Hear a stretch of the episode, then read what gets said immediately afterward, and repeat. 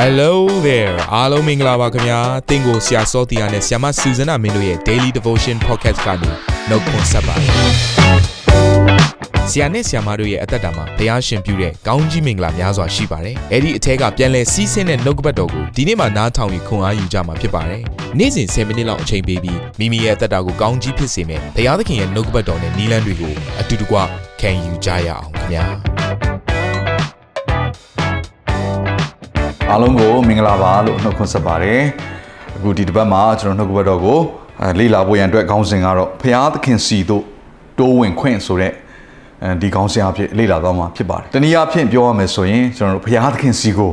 ဘယ်လို့နီလန်းတွေနဲ့တိုးဝင်နိုင်မလဲဆိုတဲ့အရာကိုကျွန်တော်လေ့လာသွားမှာဖြစ်တယ်အဲ့တော့ပထမဦးဆုံးကတော့ဒီနေ့ day 1အတွက်ခေါင်းစဉ်ကတော့စုတောင်းခြင်းဖြင့်တိုးဝင်ခြင်းအဲ့တော့ဖရာသခင်စီကိုတိုးဝင်ခွင့်လို့ပြောတဲ့အခါမှာနော်ဖရာသခင်ကတော့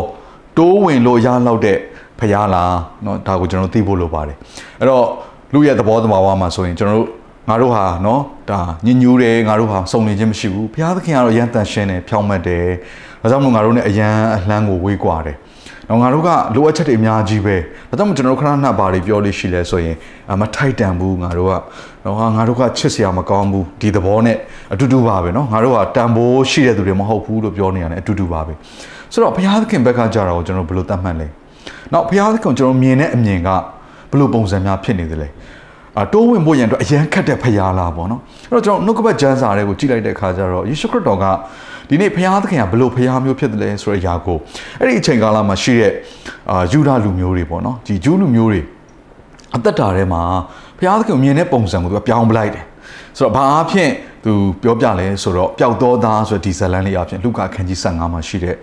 ဒီဇလန်လေးပေါ့နော်အရန်ကောင်းတယ်အဲ့တော့ဒီဇလန်လေးကနေသိရတဲ့အဖြစ်ပြက်ကတော့တားဟာချစ်စရာမကောင်းဘူးတားဟာအပြစ်တင်ခွင့်နဲ့ကင်းလွတ်တော်သူလည်းမဟုတ်ဘူးအပြစ်တင်ရမယ့်သူသူ့ကိုဒဏ်စီရမယ်အကြောက်ခဲနဲ့ပြည့်ရမယ်ဒီလိုအနေထားထိဒါဒူးစရိုက်မလုတ်တဲ့အမားတွေကိုကျိုးလွန်တဲ့သူဖြစ်တော်ညာလည်းပဲတရက်မှာတော့သူကအော်ငါအဖေရဲ့အိမ်မှာဆိုရင်ဆိုတော့ဒီဖခင်စီကို သူအာတန်းတားတဲ့အရာလေးကိုစပြီးသတိရတယ်ဖခင်ကိုသူအရန်လွမ်းဆွတ်တဲ့ဆိုတဲ့အရာလေးကိုစပြီးတော့သူစဉ်းစားပြီးတော့ငါဖခင်စီကိုပြန်ပြီးတော့ငါနော်တငါးကြွနေနဲ့ငါ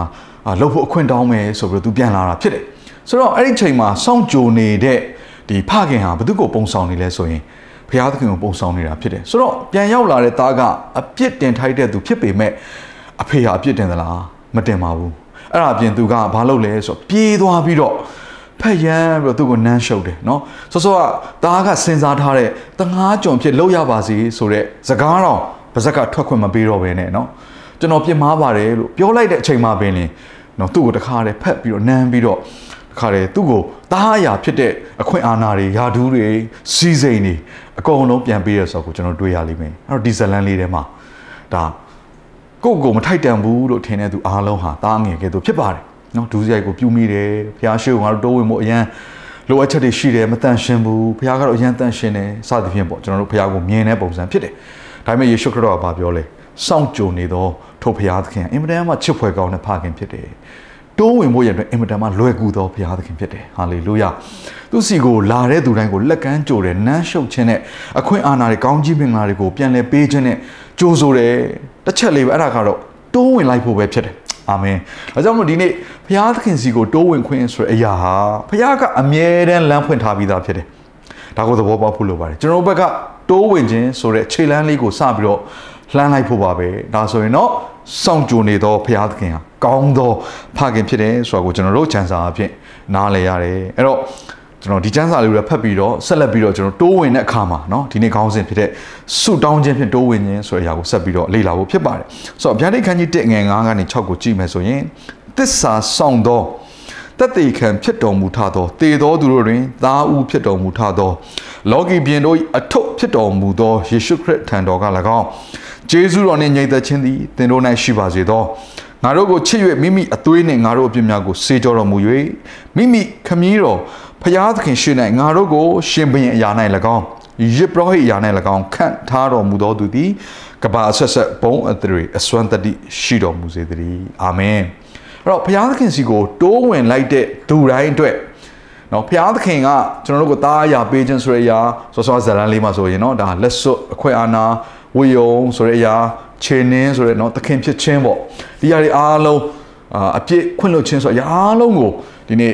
လှုပ်ဆောင်ပြီးသွားတဲ့အခါမှာဒီသားတစ်ယောက်ရဲ့အရိုက်အရာအခွင့်အာဏာကို तू ကပြန်ရတဲ့အခါမှာအရင်တော့ကအသက်ရှင်မှုမျိုးနဲ့အသက်ရှင်လို့မရတော့ဘူးဆိုတော့ဒီဖြစ်ပျက်တွေကကျွန်တော်ယုံကြည်သူတိုင်းအတွက်အခုဖတ်ခဲ့တဲ့ကျမ်းစာမှာထင်ရှားပါတယ်ကျွန်တော်တို့ကိုတဲ့ဖခင်ကဘယ်နေရာမှာခန့်ထားလိုက်လဲဆိုတော့ရှင်ဘုရင်အရာ၌၎င်းရစ်ပရောဟိတ်အရာ၌၎င်းခန့်ထားတယ်။တနေ့ကျရင်ကျွန်တော်တို့ဟော physically ပေါ့နော်တကယ်ကိုထင်ထင်ရှားရှားအသက်ရှင်ရမယ့်နိုင်ငံတစ်ခုကတော့ဘုရားသခင်ရဲ့ ကောင်းကင်နိုင်ငံတော်ဖြစ်တယ်။ဆိုတော့အခုလည်းတည်ထောင်နေသလားဆိုတည်ထောင်နေတယ်ဒါပေမဲ့ fully manifestation ဆိုတဲ့ပြည့်ပြည့်စုံတဲ့ထင်ရှားခြင်းမရှိသေးပါဘူး။တနေ့ကျရင်ယေရှုခရစ်တော်ကိုယ်တိုင်ကရှင်ဘုရင်နေနဲ့စိုးစံပြီးတော့ကျွန်တော်တို့ဘုရားသခင်နိုင်ငံတော်ဆိုတဲ့အရာကို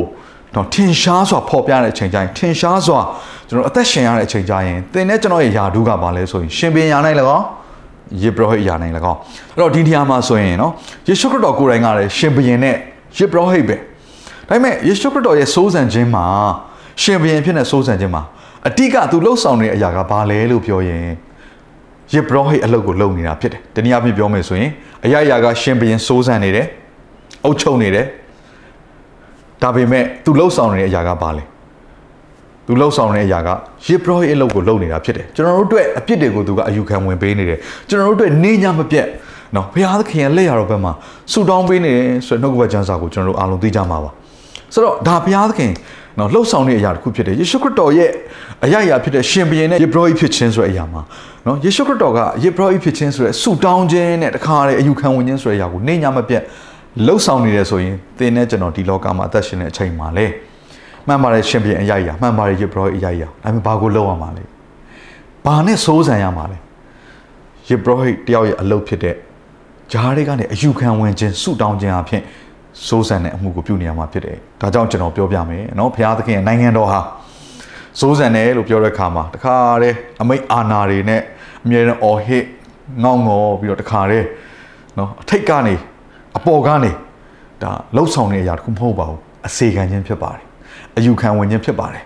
ဆူတောင်းပေးနေခြင်းဖြစ်ပါတယ်တနည်းအားဖြင့်ပြောမယ်ဆိုရင်အစေခံခြင်းနဲ့စိုးစံနေတာနော် ဒါကိုနားမလည်ပါဆိုလို့ရှင်ဘီရင်နဲ့ယေဘရဟိအရာမှာခံထားတယ်လို့ကျမ်းစာကပြောပြတာဖြစ်တယ်ဒါကြောင့်မလို့ဒီနေ့ကျွန်တော်တို့အာတကယ့်ကို fully manifestation ဆိုတဲ့ဘုရားရှင်နိုင်ငံတော်တည်ထောင်တဲ့အချိန်ကျရင်အဲ့နိုင်ငံတော်ဟာ kingdom of priest လို့ခေါ်ပါတယ်နော်ယေဘရဟိတွေရှိတဲ့နိုင်ငံဖြစ်တယ်နိုင်ငံတော်ဖြစ်တယ်ဆိုတာကိုကျွန်တော်တို့နားလည်ရတယ်ဟိတခါဟိပြက်ခန်းကြီးငါငယ်ခုနှစ်ကနေ ရှစ်မှာထိုခရစ်တော်သည်လူစားတိဖြစ်နိုင်နေစဉ်ကာလတေခြင်းမှကယ်လွတ်နိုင်တော်မူသောသူကိုကြီးစွာသောကြွေးကြော်ခြင်းမျက်ရည်ကျခြင်းနှင့်ဆုတောင်းပတနာပြုသဖြင့်ကြောက်ရွံ့ရာအမှု၌ချမ်းသာရသည်ဖြစ်၍ဘုရားသခင်သားတော်မှန်တော်လဲဆင်းရဲဒုက္ခကိုခံသောအဖြစ်နားထောင်ခြင်းအကျိုးအကြောင်းကိုသင်တော်မူ၏။နော်ဒီကျမ်းစာလေးကယေရှုခရစ်တော်ဟာနော်သူကိုယ်တိုင်ကဘလို့အသက်ရှင်သွားလဲ။ရှင်ဘုရင်ဖြစ်ပါတယ်။ဘုရားသခင်သားဖြစ်ပါတယ်။ ဒါပေမဲ့ဘလို့အသက်ရှင်သွားလဲ။ဆူတောင်းခြင်းအဖြစ်တဲ့နားထောင်ခြင်းဆိုတဲ့အရာကိုလူသားတယောက်ကိုယ်ခန္ဓာကိုယူပြီးတော့သူသက်ရှင်သွားတယ်။တနည်းအားဖြင့်ပြောမယ်ဆိုကျွန်တော်တို့အားလုံးကိုအစေခံခြင်းနဲ့သူကစိုးစံသွားတာဖြစ်တယ်။အဆုံးစုံသောအစေခံခြင်းကတော့လက်ဝါးကားတဲ့ပုံမှာအပြစ်ဒုစရိုက်ရှိသမျှကိုစေချောပြီးတော့ကျွန်တော်တို့အတွက်ကိုစားခံခြင်းနဲ့အတူလှုပ်ဆောင်ပေးသွားတာဖြစ်တယ်။ဒါကြောင့်မလို့ဒီနေ့ကျွန်တော်တို့ဘုရားသခင်စီကိုတိုးဝင်ခွင့်ရတဲ့အခါမှာပထမဦးဆုံးသောတိုးဝင်နိုင်တဲ့နီလန်းကဘာလဲလို့ပြောရင် ယေဘရဟိတယောက်အနေနဲ့ဆူတောင်းခြင်းဖြစ်ပါတယ်။ဆူတောင်းမှာကျမ်းစာထဲမှာဆူတောင်းခြင်းနဲ့ပတ်သက်တဲ့ကျမ်းစာတွေအများကြီးတွေကကျွန်တော်တချို့ကိုဖတ်ချင်ပါတယ်နော်။ဒါမသက်ခုနှစ်အဲခန်းကြီးခုနှစ်ငယ်ခုနှစ်ကနေရှစ်မှာဆိုရင်တော့ဒါဝိညာဉ်တော်နဲ့ပတ်သက်တဲ့အရာကိုလည်းပြောထားပါတယ်နော်။တောင်းကြလို့တောင်းလင်ရမည်ရှာကြလို့ရှာလင်တွေ့မည်တကားကိုခောက်ကြလို့ခောက်လင်ဖွင့်မည်တောင်းတော်သူမြည်ဒီကယာဤရှာတော်သူလည်းတွေ့ခောက်တော်သူအားလည်းတကားကိုဖွင့်၏အဲ့တော့ဒီဖတ်ခဲ့တဲ့မသက်ခန်းကြီးခုနှစ်နော်အငယ်ခုနှစ်ကနေရှစ်ဟာကျွန်တော်တခြားကျမ်းစာတွေကိုကြည့်လိုက်မယ်ဆိုရင် ကျွန်တော်တောင်းတာတွေအားလုံးထက်ပိုပြီးကောင်းတဲ့အရာကိုပေးတယ်ဘာလဲဆိုတော့တန်ရှင်သောဝိညာဉ်တော်ဖြစ်တယ်ဆိုတော့ကျွန်တော်တို့တန်ရှင်သောဝိညာဉ်တော်ခံရတဲ့နော်ယုံကြည်သူများဖြစ်တဲ့အခါမှာကျွန်တော်တို့အားလုံးလုပ်ရမယ့်အလုပ်ကဘာလဲဆိုတော့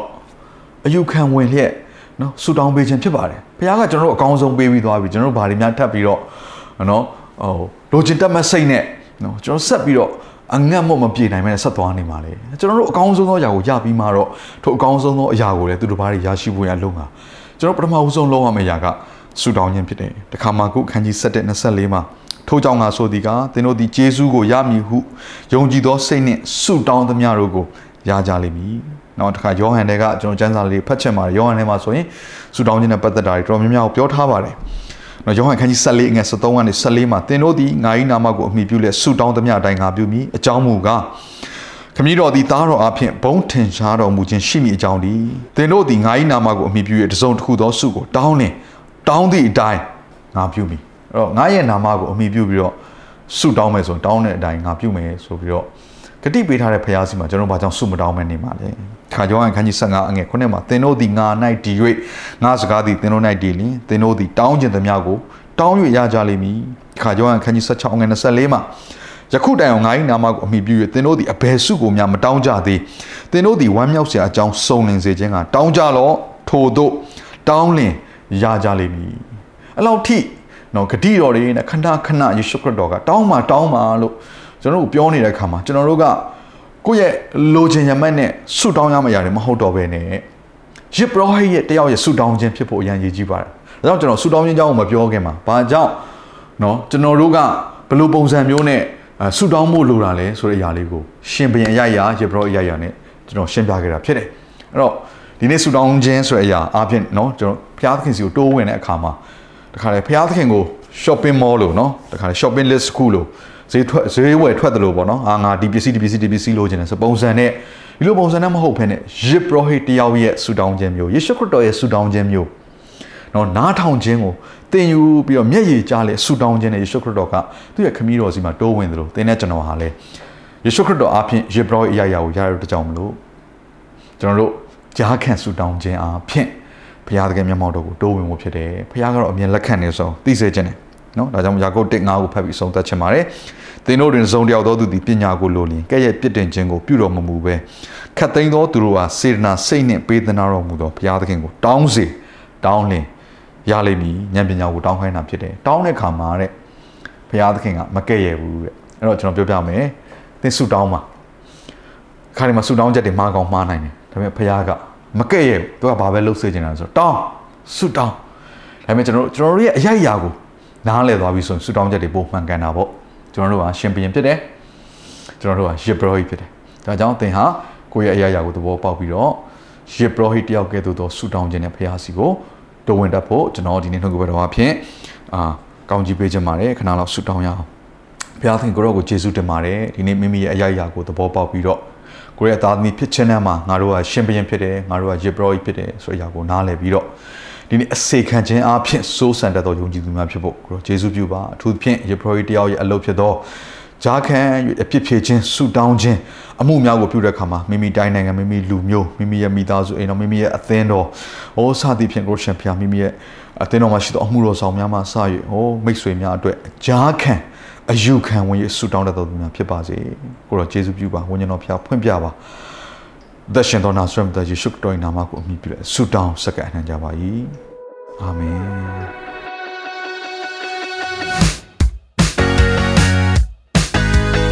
နာတော်တာစင်သူတိုင်းရဲ့အသက်တာမှာကောင်းကြီးဖြစ်မယ်ဆိုတာကိုကျွန်တော်ယုံကြည်ပါတယ်။သင်ရဲ့အသက်တာအတွက်များစွာသော resource တွေနဲ့ update တွေကို Facebook နဲ့ YouTube platform တွေမှာလည်းကျွန်တော်တို့ပြင်ဆင်ထားပါတယ်။ Facebook နဲ့ YouTube တွေမှာဆိုရင် search box ထဲမှာ Susanna မင်းလို့ရိုက်ထည့်လိုက်တဲ့အခါအပြအယောင်အမှန်ချစ်ထားတဲ့ Facebook page နဲ့ YouTube channel ကိုတွေ့ရှိမှာဖြစ်ပါတယ်။နှုတ်ကပတ်တော်တွေကိုဗီဒီယိုအားဖြင့်လည်းခွန်အားယူနိုင်ဖို့ရန်အတွက်အစဉ်သစ်ပြင်ဆင်ထားပါတယ်။ကျွန်တော်တို့ဝိညာဉ်ရေးရာအတွက်အထူးလိုအပ်တဲ့ဖွင့်ပြခြင်းတွေနဲ့ခွန်အားတွေကိုရယူလိုက်ပါ။နောက်ရက်များမှာပြန်ဆုံတွေ့ကြရအောင်ခင်ဗျာအားလုံးကိုနှုတ်ဆက်ပါတယ်